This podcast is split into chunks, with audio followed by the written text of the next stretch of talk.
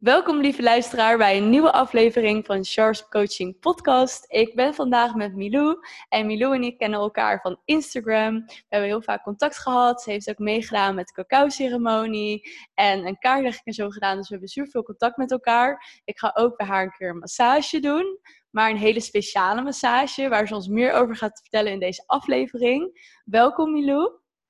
Ja, dankjewel. Fijn dat ik er mag zijn. Tuurlijk, superleuk dat je er bent. Kan je wat meer over jezelf vertellen, wie je bent en wat je doet? Ja, zeker. Uh, Milou dus, van Toor, 26 jaar. Ik ben geboren en zo in Uden, in Brabant. Ja, ja, het epicentrum waar het alle corona shit is begonnen. Maar gelukkig heb ik er zelf niet veel van uh, meegekregen. Um, ik heb een oudere broer en een jonger broertje. En eigenlijk ben ik bijna altijd thuis blijven wonen in Uden. Uh, ik heb even in Nijmegen gewoond. En binnenkort ga ik de stap zetten naar Amsterdam om daar te gaan wonen. Ja, spannend. Ja. Leuk. Dus al meteen wel een interessant, want heel vaak was ik bang, oh nee, dat is te groot. En uh, dat soort dingen allemaal. En nu voel ik gewoon, oké, okay, het is een goede stap. En natuurlijk vind ik het spannend, maar het mag en het kan. Ja, en kan je misschien met de luisteraar delen hoe je dat bij jezelf merkte, dat die shift er was van hé, hey, het voelt nu goed om naar een grote stad te gaan en uit Brabant? Uh, eigenlijk doordat ik steeds meer ben gaan luisteren naar het stemmetje in mezelf, die diep van binnen schreeuwde van oké, het komt niet voor niks op je pad, dus doe het maar gewoon. En daar meer naar luisteren dan de angst van, oh, maar is het niet te groot? En wat ga je daar doen? En wordt het niet te veel? En ga je er alles zomaar hier opgeven? Ja, mooi. Mooi ook dat je dat onderscheid in kan maken. Want ik, ik kan zelf, zie ik heel vaak ook bij mensen van, omdat ik zelf ook met persoonlijke ontwikkeling bezig ben, kan ik dat onderscheid ook al beter maken van echt mijn angst die de hele tijd spreekt en die echt zo'n stemmetje van aan het praten is. En echt mijn gevoel en wat wel klopt. Die ook achter is, maar wel ook probeert aan de voorkant te staan mooi dat je dat ook zo helder hebt. Um, kan je misschien, misschien kunnen we allebei, of misschien kun jij even daar een tip in delen van hoe de luisteraar daar een onderscheid in kan maken. Wanneer is het angst en wanneer is het echt je intuïtie die spreekt? Ja, dat vind ik zelf, moet ik eerlijk zeggen, met momenten ook nog best wel lastig. Um, ja, de angst is toch weer vaak gerelateerd aan wat je denkt en gedachten over iets. En een gevoel kun je dus echt gewoon letterlijk waarnemen in je lijf. Of je, ja. Dat vind ik even een lastige om. Uh... Nee, ik denk dat je hem zo goed, goed eh, dat je hem ook goed hebt. Want dat is ook gelijk wat ik erbij dacht. Van ik merk bij mezelf dat het heel erg is wanneer mijn ego is die spreekt, uh, dan is het gewoon heet het in mijn hoofd. En dan is het echt zo'n stemmetje die door blijft ratelen, inderdaad. Wat jij net zei, oh, moet je dat wel doen? Wil je dat wel? Uh, wat gaat die ervan vinden? Wat gaat dat ervan vinden? Dat je de hele tijd van dat soort vragen hebt. En als het echt een gevoel is, dan, dan spreekt er niet zoveel eigenlijk. Zijn mijn gedachten juist best wel stil. En dit is juist zo'n gevoel dat ik gelijk instant weet van, dit is het. Of dit klopt, of dit voelt goed. In plaats van heel erg in mijn hoofd zitten. Ja, want als je dan gaat nadenken, ga je allemaal plusjes en minnetjes bijvoorbeeld opschrijven. Van daarom wel en daarom niet. Maar diep van binnen, als je echt even probeert, soms werkt alleen ademhalen al. Of je voor je zien, of je daar, als je daar zou staan bijvoorbeeld, dat je dan al kan voelen van, oh, dit voelt stiekem toch best wel goed. Of ja. nee, hier zou ik mezelf dus echt niet zien of zo. En dan nog kan het zijn, als je zelf daar niet ziet staan, dat het op angst gebaseerd is. Ja. Uit je comfortzone, zeg maar. Ja, maar dat is ook zo. Vaak zijn er ook gewoon heel veel mensen die dingen niet doen, omdat ze denken van, oh, het is niet goed voor me. Of um, dat eigenlijk de reden is dat ze niet uit hun comfortzone inderdaad durven te gaan. Dat helemaal niks te maken heeft met, oh, het voelt niet goed. Maar dat het echt gewoon die angst is. En dat het echt uit de comfortzone gaat. Dat, dat die angstgevoel heel erg naar voren komt. Ik denk dat dat ook wel belangrijk is om daar het onderscheid in te weten. Dat een angstgevoel betekent niet dat het niet goed is voor je. Mm precies. Ja, mooi. En in deze aflevering gaan we het hebben over familieopstellingen. Kan je de luisteraar misschien eerst even meenemen wat familieopstellingen zijn? Ja, daar komt het altijd. Het is best wel, of ja, het is eigenlijk heel makkelijk, maar het is ook best wel ingewikkeld om het makkelijk uit te leggen, zeg maar we worden allemaal geboren uit onze vader en onze moeder. En uh, je kan jezelf eigenlijk zien als, ja, dit zien ze trouwens nou niet. Ik ben daar blij met mijn handen aan het uitbeelden. Maar jezelf zien als persoon en daarachter je ouders. En daarachter weer hun ouders. En daarachter weer andere voorouders. Dus een hele waaier aan allemaal personen achter je. En het is zo dat je heel vaak hoort, of in ieder geval ik, oh je bent precies je vader. Of dit zou je moeder ook zo hebben kunnen doen. En dat geldt ook voor mijn opa's en oma's. Maar ook misschien wel, zonder dat ik die anderen ken, ook wel voor generaties daarvoor. Dus eigenlijk zie ik het zo dat wij als persoon heel erg gevormd zijn. Natuurlijk door wat we meemaken en zo. Maar ook door wat we hebben meegekregen van eerder.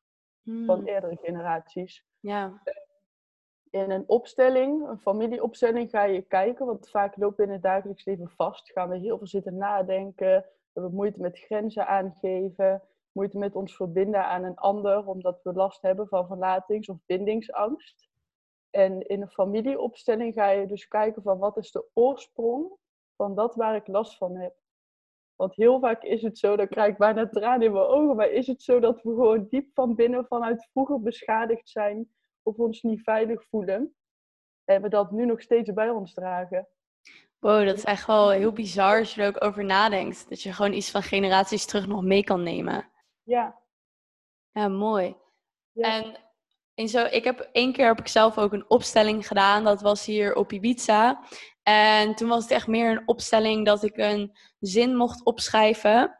En dat ik mensen uit de groep mocht halen die representeerden voor een woord. Bijvoorbeeld voor het woord ik. En die mocht ik dan ergens op het ja, buiten neerzetten waar we bezig waren. Waardoor we een energieveld creëerden. En mhm. zij uh, aanvoelden wat dat woord met hun deed, energetisch gezien. Is dat ook hoe je een familieopstelling doet? Dat een persoon voor je moeder staat of je vader? Ja, zeker. En wat je omschrijft is eigenlijk ook wel gewoon een soort van familieopstelling, alleen dan niet direct met uh, familie. Je kan bijvoorbeeld ook keuzes opstellen als je echt niet weet wat je moet kiezen, dan dat je dat gaat voelen in het veld, zeg maar, wat je net zei, dat energetische veld. Um, nou kwam er net nog iets anders in me op. Wat zei uh, Wat vroeg jij nou aan mij? Ik vroeg van uh, of een familieopstelling ook zo in elkaar zit. Oh ja, ja, ja. Met de familieopstelling kun je dus één op één werken. Dat kan met poppetjes. En het is heel bizar, maar zelfs door die poppetjes heen kun je de energie van, het, van de onderstroom van het familiesysteem voelen. Uh. Het kan in de mind, in een visualisatie. Maar het is ook heel mooi om te werken met personen, want dan ga je gewoon letterlijk in een rol van iemand anders staan. En het is heel bizar. Mensen denken van, huh, wat? Waar heb jij het over? Dit is zweverig of zo. Maar er is gewoon iets ik voel altijd wel, je hebt op bepaalde momenten van dat je voelt, dit moet ik doen, wat ik net ook zei, hè, met naar Amsterdam gaan. Dat er gewoon iets van een stroom door het leven heen gaat die je af en toe een bepaalde richting in duwt, zeg maar, wat je niet altijd kan begrijpen. En in een familieopstelling ga ik mensen daarin dus begeleiden naar een staat van puur zijn en waarnemen. En vanuit daar het energetische veld in, waardoor je heel duidelijk kan zien hoe staat om in het onderbewustzijn mijn vader ten opzichte van mij en mijn moeder? Word ik door hun allebei gezien? En dat soort dingen. Ja, want ik moet zeggen dat dit, die opstellingen doen, was voor mij ook echt een inzichtgeving dat ik dacht, wow, gewoon hoe kan het dat ik energie zo sterk voel? Want ik had dan bijvoorbeeld dat ik voor ehm, het woord, ik weet niet meer precies wat voor woord het was, maar het woord vrijheid stond. En dat die persoon mij begeleidde door het veld heen, of door de plek waar we stonden. En die zette me neer. En toen werd aan mij gevraagd door de begeleider van... Ja, en hoe voel je je? En toen stond ik daar dacht ik, ja, prima, niks aan de hand. En toen kwam er iemand anders het veld in en die representeerde een ander woord. En die werd bij mij in de buurt gezet. En ik werd ineens helemaal, helemaal angstig. En ik kon bijna geen adem meer halen. En ik dacht echt, wat fuck, weet je wel, wat gebeurt er nu? En toen werd aan mij gevraagd van, hoe gaat het met je? Ik zie dat iets gebeurt. Ik zei, ja, ik moet hier weg. Ik kan hier niet staan. Ze moet uit mijn buurt. En toen ben ik weg gaan lopen, echt een paar meter. En toen was er weer niks aan de hand. En dat had ik gewoon telkens met een van die opstellingen. Dat ik enig, gewoon fysiek zoveel voelde uit het niets. Als iemand bij me kon staan. Of als ik op een andere plek werd neergezet, dat ik dacht, wow, dat dit gewoon kan. Dat je zoveel kan voelen, energetisch gezien, doordat je gewoon in een energetisch veld staat. Dat is te bizar. Super bizar, hè? En eigenlijk vind ik het mooie nog dat we dit altijd dus onbewust met ons meedragen. Maar dat we in het leven, zeg maar, vaak zo druk bezig zijn en overal heen gaan, waardoor we ons niet er bewust van zijn. Ja. Maar als je door een drukke winkelstraat loopt, wat nu overigens sowieso niet mag, ehm, dan voel je het ook. Want dan voel je, oh nee, hier wil ik niet naartoe. Of als je ruimte inkomt, dat je denkt, hier hangt een rare sfeer. Dus het is er altijd, alleen zijn we er ons ook niet heel erg van bewust. Het is echt zo krachtig. Ja, het is echt super bizar. En uh, stel je voor dat er mensen zijn die um, er niet echt mee bezig zijn en niet per se als een gevoelig mens wordt gezien. Weet je wel, uh, dan moet ik gelijk denken aan iemand die meer heel erg zakelijk is en heel erg in zijn hoofd zit. Zou je zelfs met zo'n persoon dan nog dit kunnen doen? Zo'n persoon die niet sterk bij zijn gevoel staat? Ja, kan. Ik moet zeggen dat ik, ik ben wel een gevoelsmens, maar ik heb ook heel lang mijn hoofd als overleving gebruikt.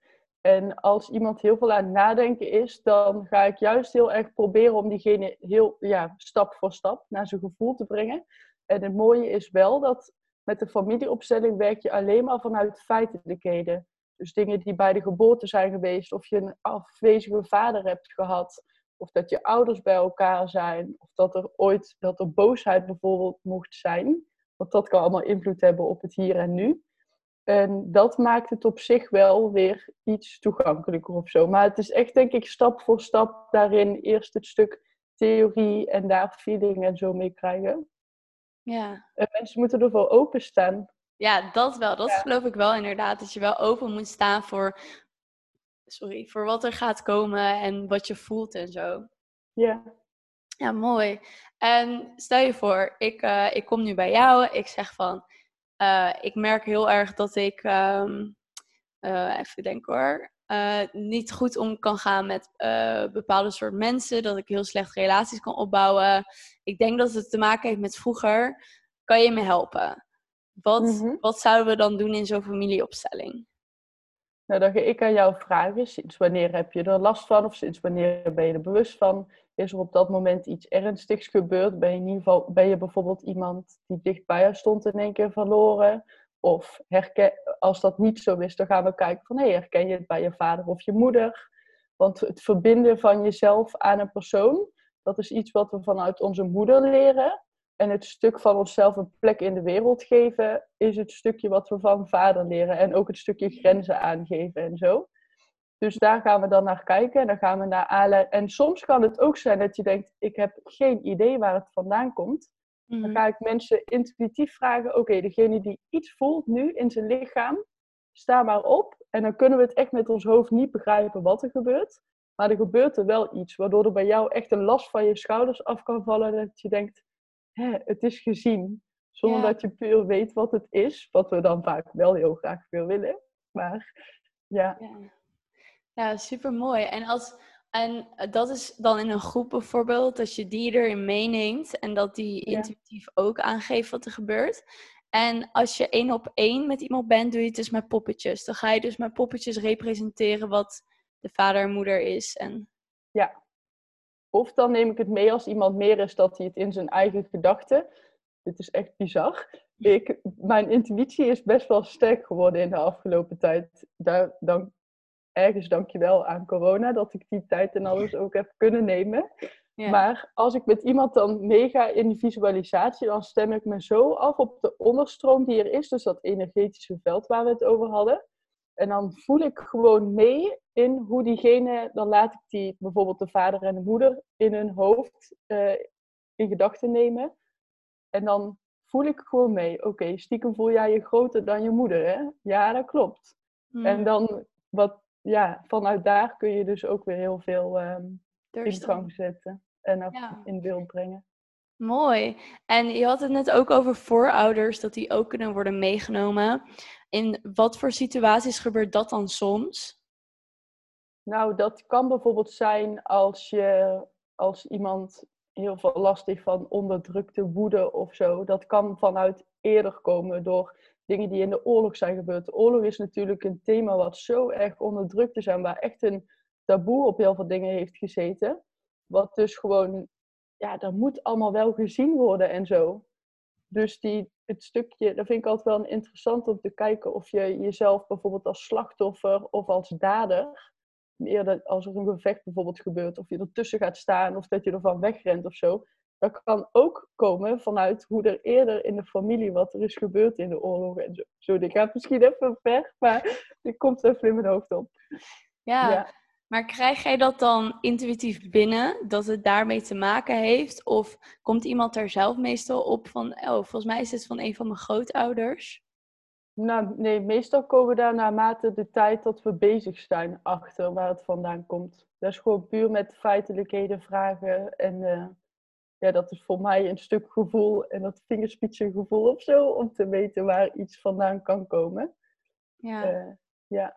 Maar dat vind ik wel met als ik één op één met mensen werk, ga ik voornamelijk, is dat met name over vader, moeder, bijvoorbeeld partners of ex-partners, of uh, omgang met, ja, met uh, broers en zussen.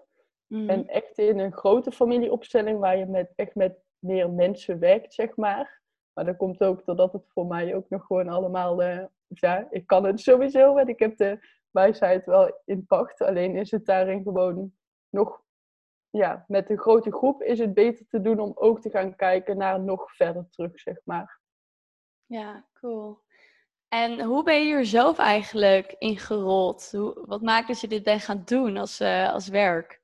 Ja, ik had eerst, in eerste instantie heb ik, uh, was mijn moeder, die vindt het altijd heel erg fijn om dingen samen te doen. En natuurlijk vooral met haar dochter.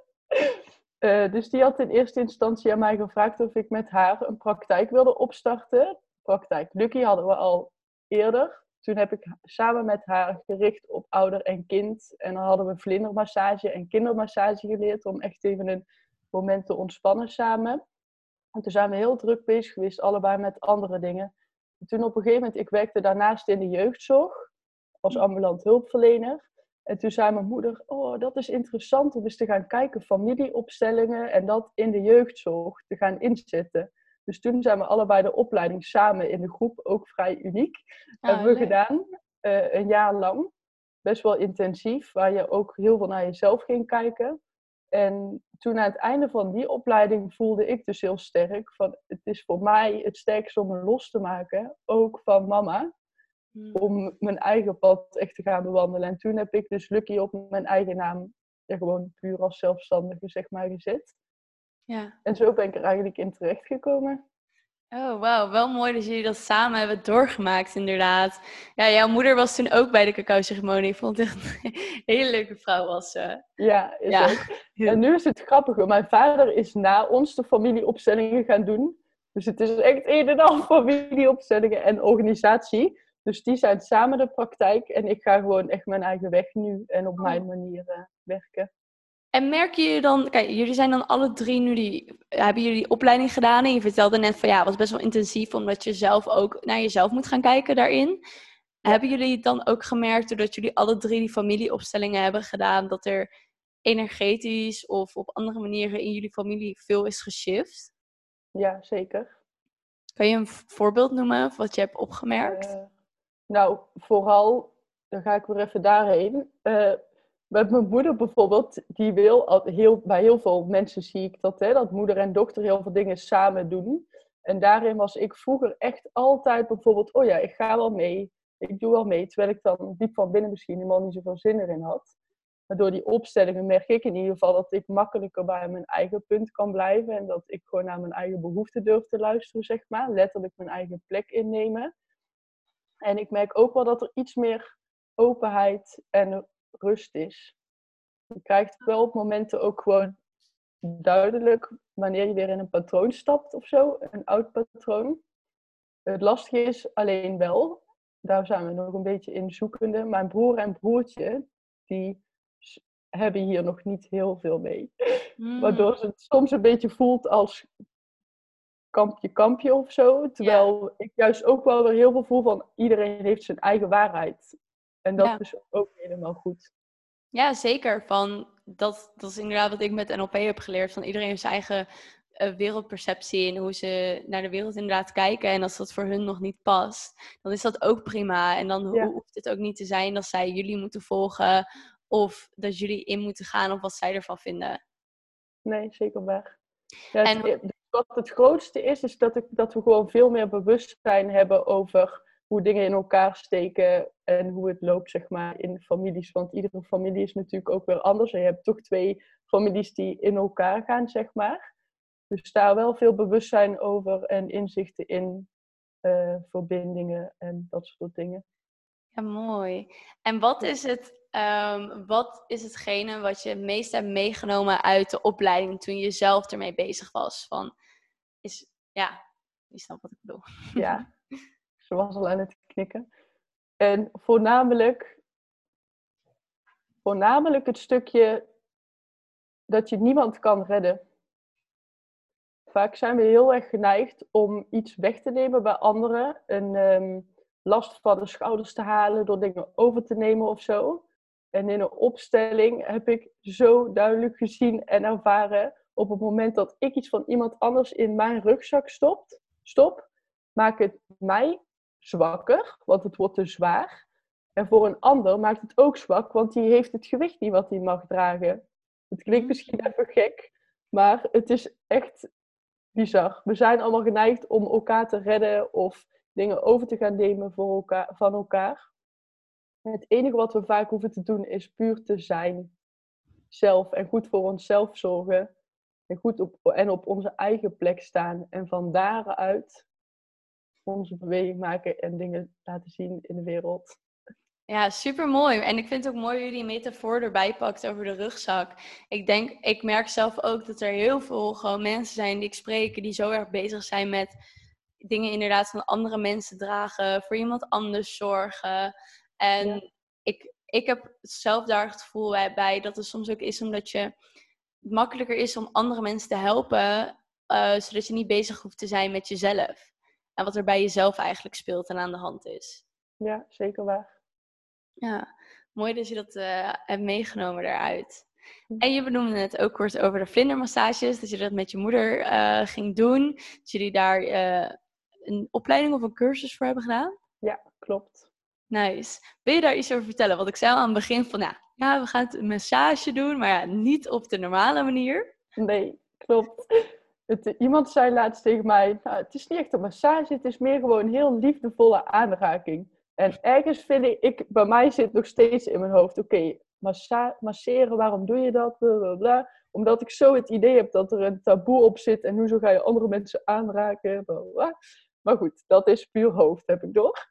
Ja. Want als ik ermee bezig ben, loopt het heel erg. Maar het is een heel wacht even voor, voordat je oh doorgaat. Van, Je zegt van dat er een taboe op ligt. Wat voor taboe ligt er volgens jou dan op massages geven?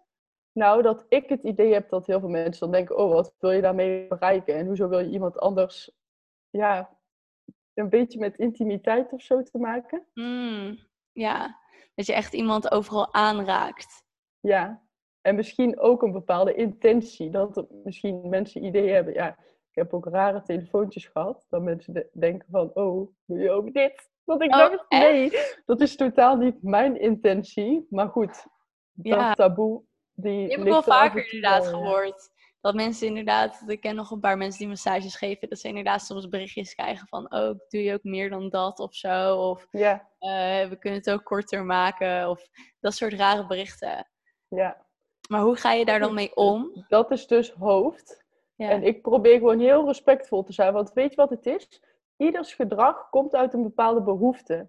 Dus diegene wil gezien worden, die wil nabijheid, maar ik voel me daar nu dan niet toe geroepen als het met die intentie is, zeg maar. Dus ik ben dan wel altijd gewoon, ja, probeer altijd respectvol te blijven en heel loyaal te blijven aan mijn eigen gevoel. En dat ik gewoon heel duidelijk zeg, dit is niet waar ik voor sta. Uh, mijn intentie van een massage is iets anders dan genot brengen of zo. Ja, ja. ja precies. Ja, mooi. Alright, toen was ik even nieuwsgierig naar. Mhm.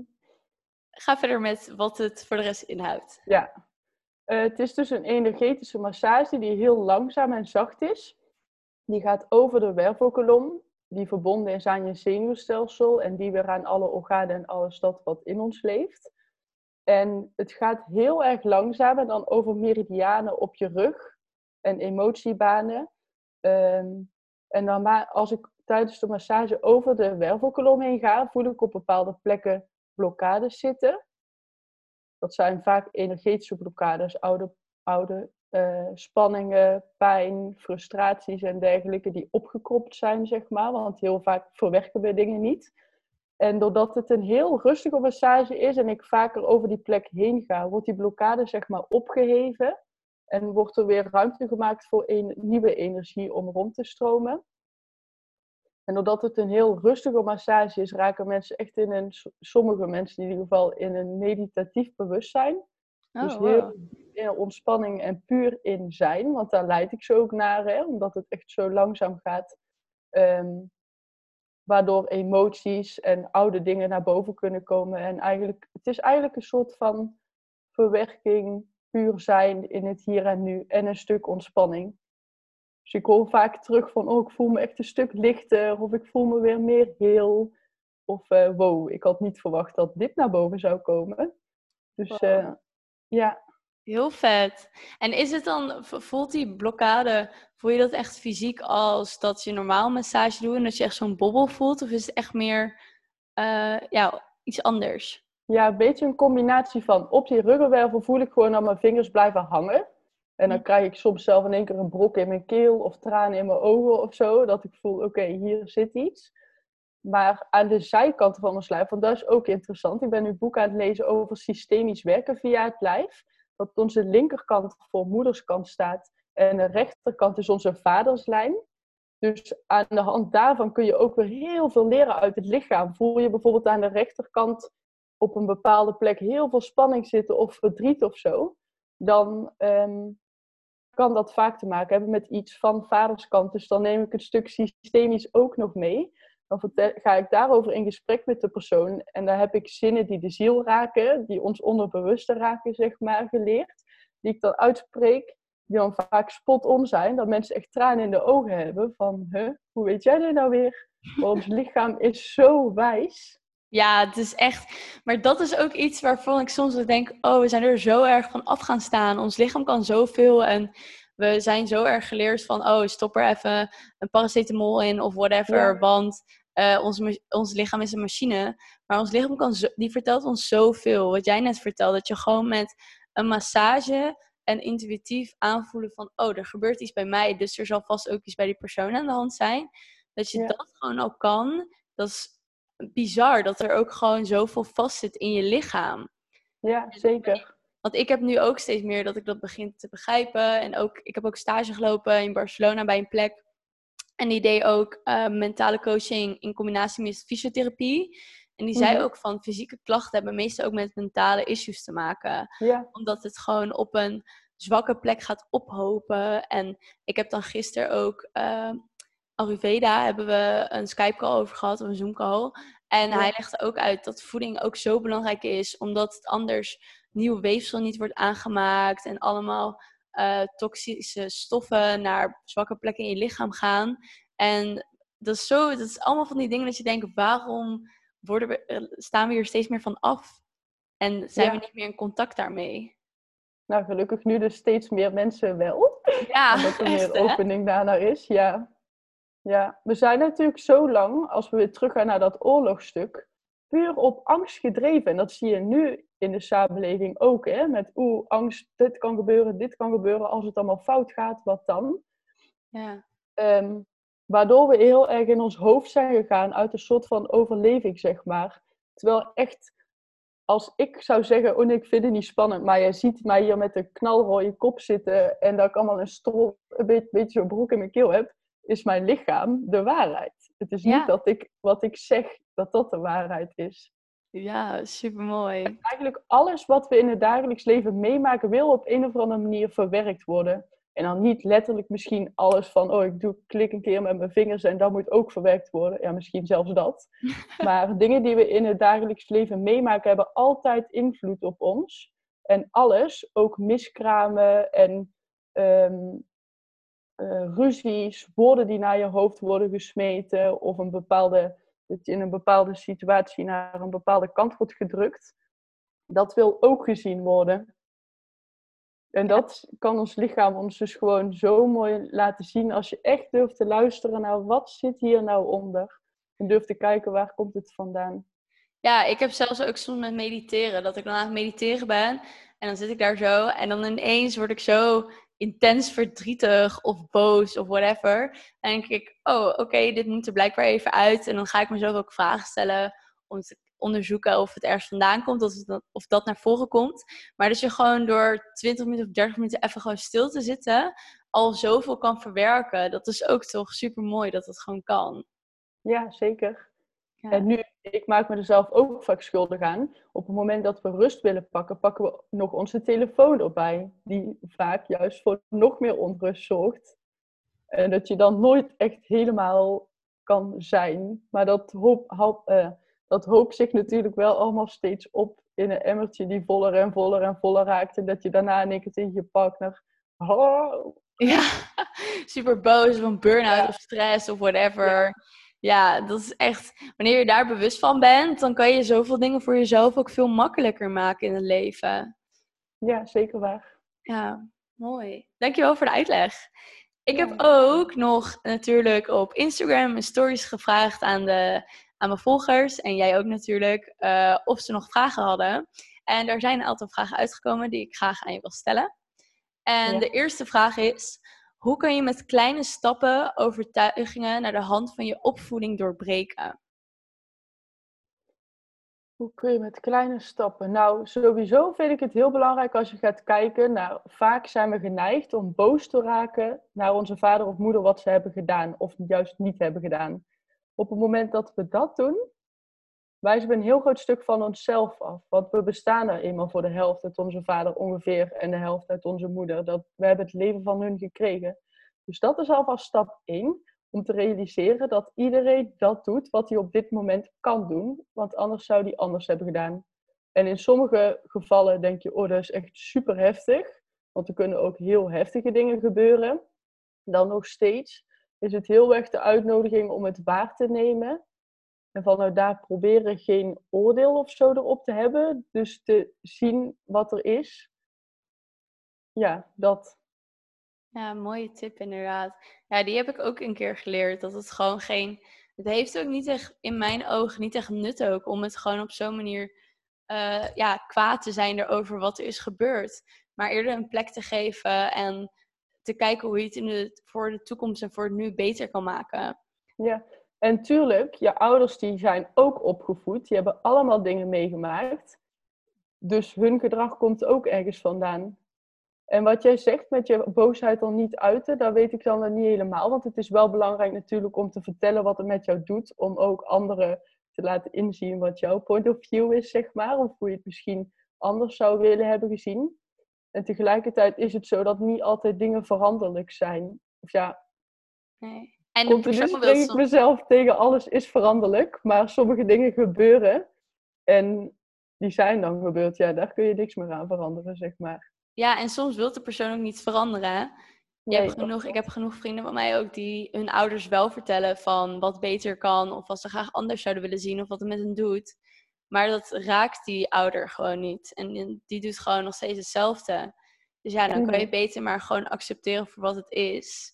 En waar jij je goed bij voelt, als je het wel wil blijven delen, doen. Maar niet verwachten dat die persoon verandert voor jou. Nee. En soms kunnen mensen ook niet anders. Ja, precies. Mooi. Ehm, ja, heb je nog een, een, een tip die je daarbij wilt delen? Of is dit wel echt degene waarvan je denkt, ja, dit is echt gewoon focus 1 daarop? Ja, voor mij voelt het wel alsof dit focus 1 is, maar de vraag was wat een eerste stap is in overtuiging. Ja, ja je overtuigingen naar de hand van je opvoeding doorbreken. Wat kan daarbij helpen? Welke stappen? Ja, um, ja je vooral bewust zijn wat dan dus jouw behoefte is, of wat dan de reden is, ja, wat voor gemis je bijvoorbeeld hebt gehad, waardoor je het andersom wil. Want wat goed is om te realiseren dat wij als volwassenen nu Um, even denken hoor, wacht. Uh, dat wij als volwassenen nu degene zijn die de verantwoordelijkheid mogen nemen over het vervullen van behoeftes die eerder in onze opvoeding bijvoorbeeld niet vervuld zijn. Mm. Dus daarin ook onze aanspraak op ouders losmaken, want wij zijn nu ook volwassen en we blijven altijd het kind van onze ouders. Maar op een gegeven moment gaan we onszelf ook losmaken. Dat gebeurt eigenlijk al in de puberteit, wel met tegendraadsheid, maar daarna kabbelt dan weer soms een beetje terug. Ehm, ja, om daarna echt je eigen verantwoordelijkheid te nemen. En dan bijvoorbeeld, dan ga je zien van, oh, dan vind ik het in een partner of die me aanvult of zoiets. Ja, mooi. Ja. Dankjewel. Dankjewel voor het delen. De volgende vraag was: In een gezin met drie kinderen, wat zijn de verhoudingen tussen de oudste, de middelste en de jongste? Nou, vaak, de, het is heel belangrijk in een gezin dat de eerste echt de eerste plek krijgt. Dus dat de ordening heel duidelijk is. Aan tafel bijvoorbeeld, nou weet ik even niet meer welke kant het op is, maar is het ook, kan het soms in gezinnen wel eens helpen als er heel veel frustraties bijvoorbeeld zijn, om echt op ordening te gaan zitten. Dus vader, moeder, oudste zoon, middelste dochter, jongste zoon bijvoorbeeld. Ja. Om echt in die ordening te gaan zitten, omdat, ja, ik weet niet waarom, maar, of ja, ik weet wel waarom het werkt gewoon qua energie en dat die ordening duidelijk is. Dus dat is heel belangrijk. Ja, dat het energetisch gezien gewoon klopt als je daar zit. Ja, dat iedereen zijn eigen plek kan voelen. Ja. Mooi. En, en daarin is het wel belangrijk om te kijken van, hey, is er een miskraam geweest of een kindje wat doodgeboren is en die was eigenlijk als eerste, dan is de eerste kind niet het eerste kind. Die is dan het tweede kind. Oh, wow. En dat kan heel veel invloed hebben op jongeren bijvoorbeeld die helemaal voelen dat ze niet lekker in hun vel zitten en niet weten wat ze willen. Daar kan ooit zoiets onder zitten. Oh, wow, dat is wel heel erg interessant. Ja. En hoe zou bijvoorbeeld een ouder, eh, heb je daar iets van dat je denkt van, oh, voor die verhoudingen zou ik graag dit aan je willen meegeven? Want het lijkt me best wel lastig als ouder, dus je drie kinderen hebt en dat je ze evenveel aandacht wil geven en evenveel liefde. En dat je niet Mhm. een kind wil buitensluiten. Nee, ja, daarin is het echt een, een- beetje het zoeken naar een balans. Oeh, dan vind ik even, dan ga ik even navoelen wat ik hierop kan reageren. Ehm,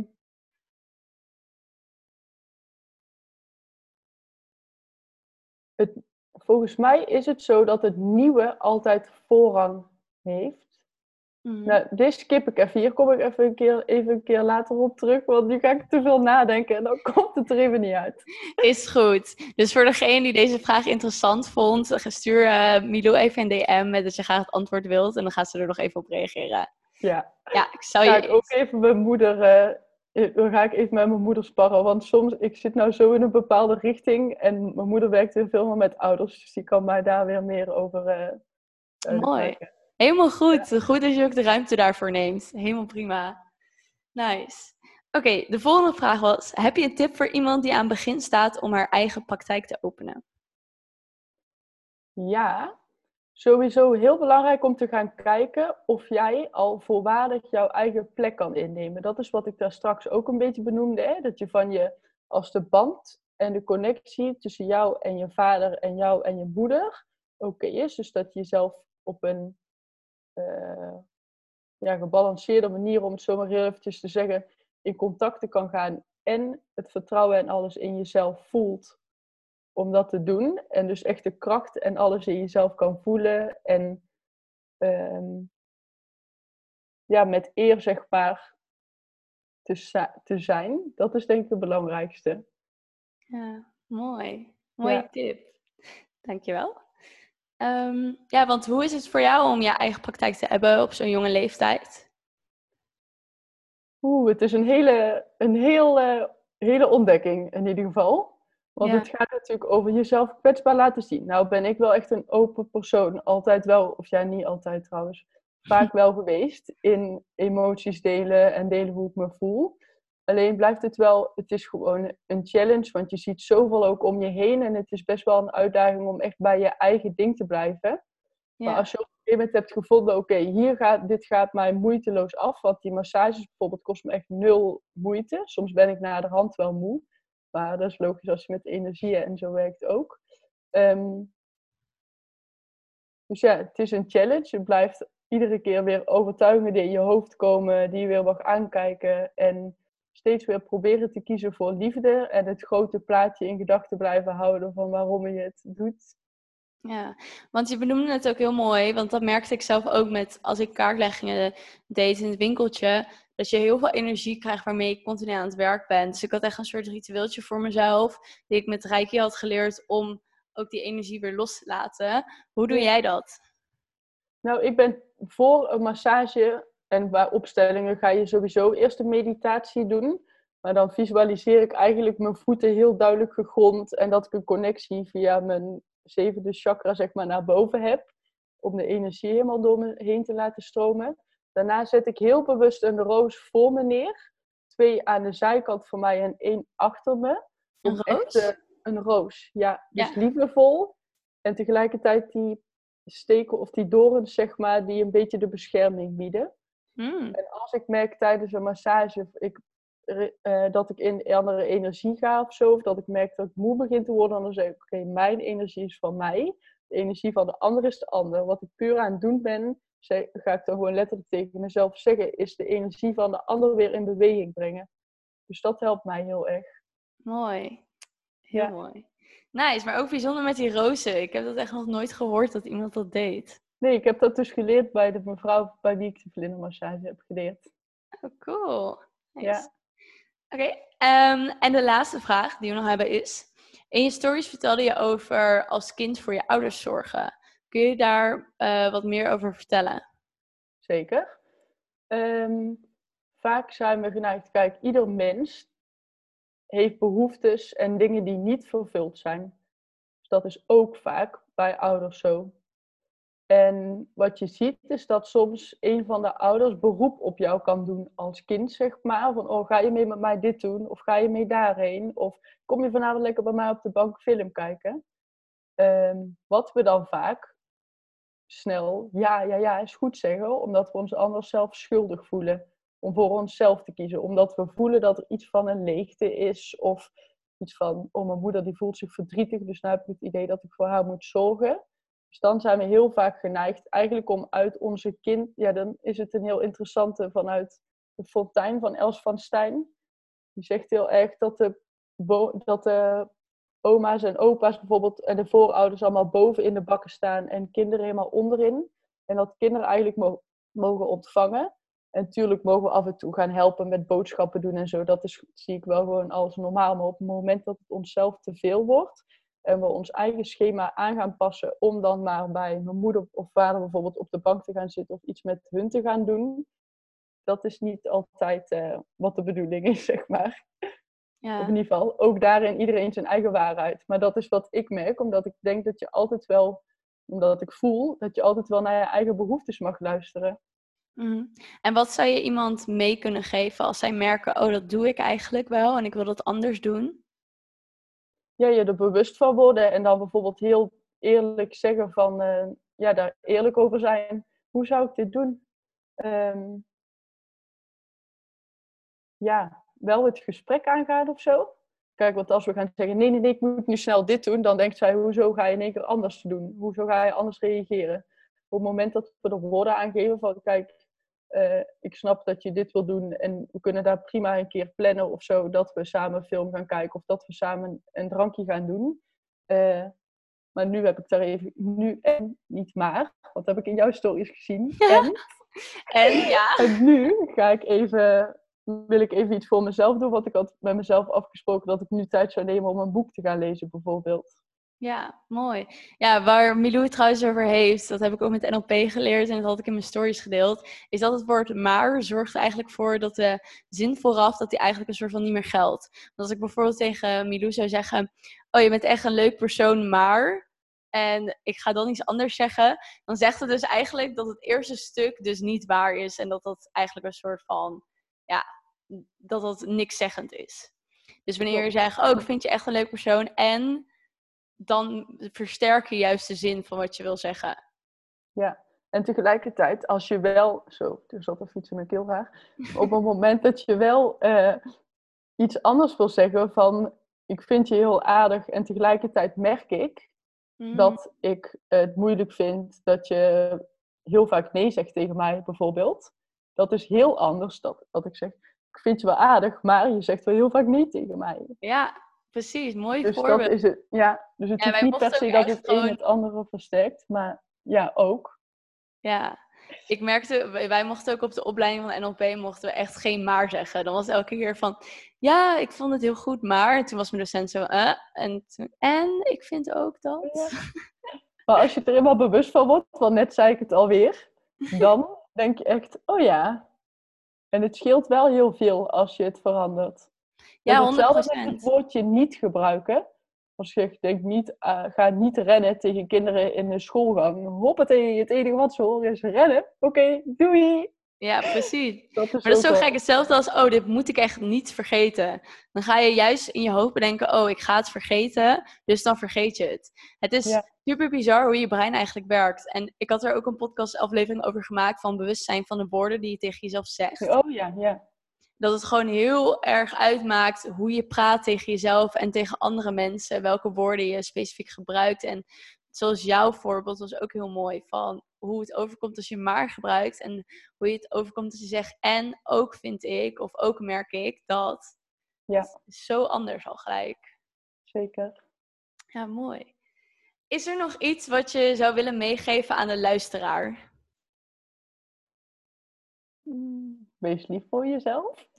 Ook al merk je met bepaalde dingen die, die nu bijvoorbeeld naar voren zijn gekomen of die je in het dagelijks leven tegenkomt, zijn we zo vaak geneigd om onszelf weer te gaan afstraffen.